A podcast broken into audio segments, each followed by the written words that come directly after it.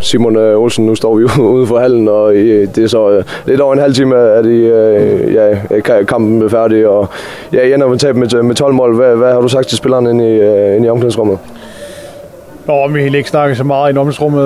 Der, der er mange følelser i spil lige nu, og, og der er en skuffelse, og der er en ærgelse over tingene. Øh, ikke øh, gik vores vej øh, i dag, så, så lige nu der tror jeg egentlig bare, at vi, vi skal lade følelserne være, som de er, og så, og så tager vi en god evaluering på det, når vi, når vi kommer lidt længere hen.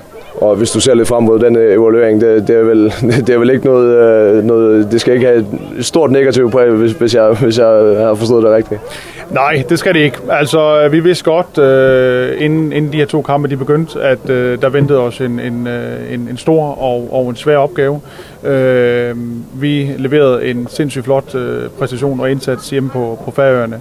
Øh, og... Øh, Man kan sige, i dag gik det ikke vores vej, og det var der flere grunde øh, til. Men øh, nej, jeg synes virkelig, at spillerne øh, har øh, ydet og leveret øh, to gode kampe nu her. Altså, så der er ingen tvivl om, at øh, der er positive ting, vi også skal tage med. Der er selvfølgelig også nogle ting, som, som vi har lært af, af de her kampe, og det er jo så det, vi skal, vi skal snakke lidt om, øh, så vi kan stå bedre stillet til næste gang.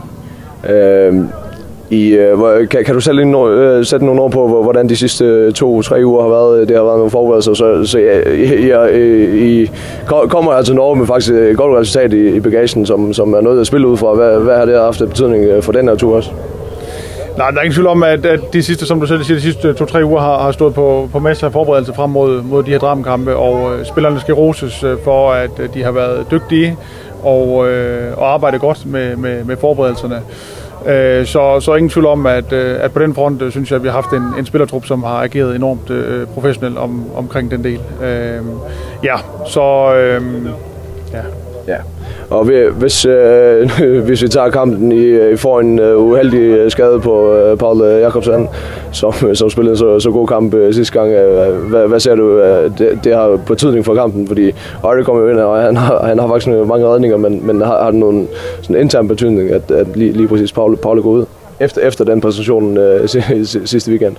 Nej, altså selvfølgelig er det, er det ærgerligt for Pauli, at, at han går ud, men, men omvendt, vi har, vi har to dygtige målmænd, øh, som, øh, som, som kan være sit. Altså, så, øh, så på den måde ser jeg ikke, altså selvfølgelig er det ærgerligt, men, men vi har en, en, en dygtig målmand i Arne også.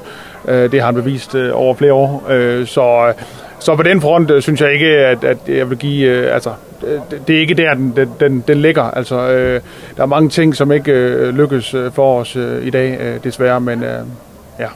Ja, vi snakkede, vi snakkede udenbart efter kampen om, om det her med fart og, og flow i, i angrebsspillet. Det, det, det satte nogen over på. Kan du gentage det her?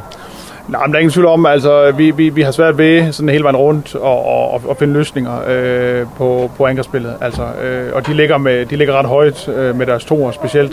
Øh, og øh, og det havde vi svært sådan lige vi, vi mangler noget vi mangler noget fart, vi mangler noget noget bevægelighed og noget løb uden bold.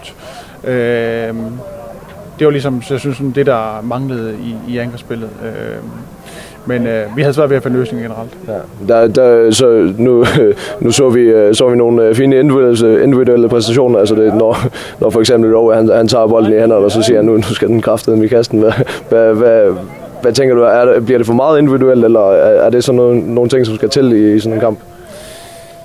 Nej, det er sådan en kombination. Altså, vi havde jo, vi havde jo en, en, en en plan for, hvordan vi gerne ville spille vores, vores, vores angrebsspil. Øh, men, øh, men der er ingen tvivl om, at i og med, at vi også er svært ved at, at finde løsninger, så er det selvfølgelig med, med hver enkelt spillers gode intention, at man tager bolden og, og, og går på. Øh, I dag, der, der lykkedes det desværre bare ikke øh, de gange, som, som vi ønskede. Så øh, nej, nej, altså jeg så nogle, nogle, nogle spillere, som, øh, som rigtig gerne vil lykkes, men øh, i dag øh, gik det desværre bare ikke øh, den vej. Og sidste spørgsmål her, nu øh, rejser I vel i, i morgen hjem, og, og hvordan, øh, hvordan kommer I til at, ligesom, at lægge om til, at nu, nu, er, nu er det den, den færøske liga, som, som gælder igen?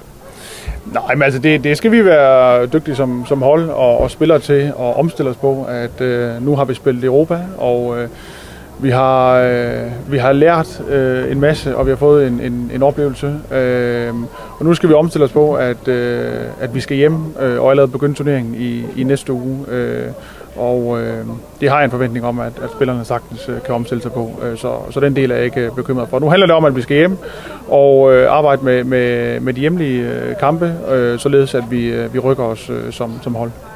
Simon, tak for tak for snakken. Selv tak.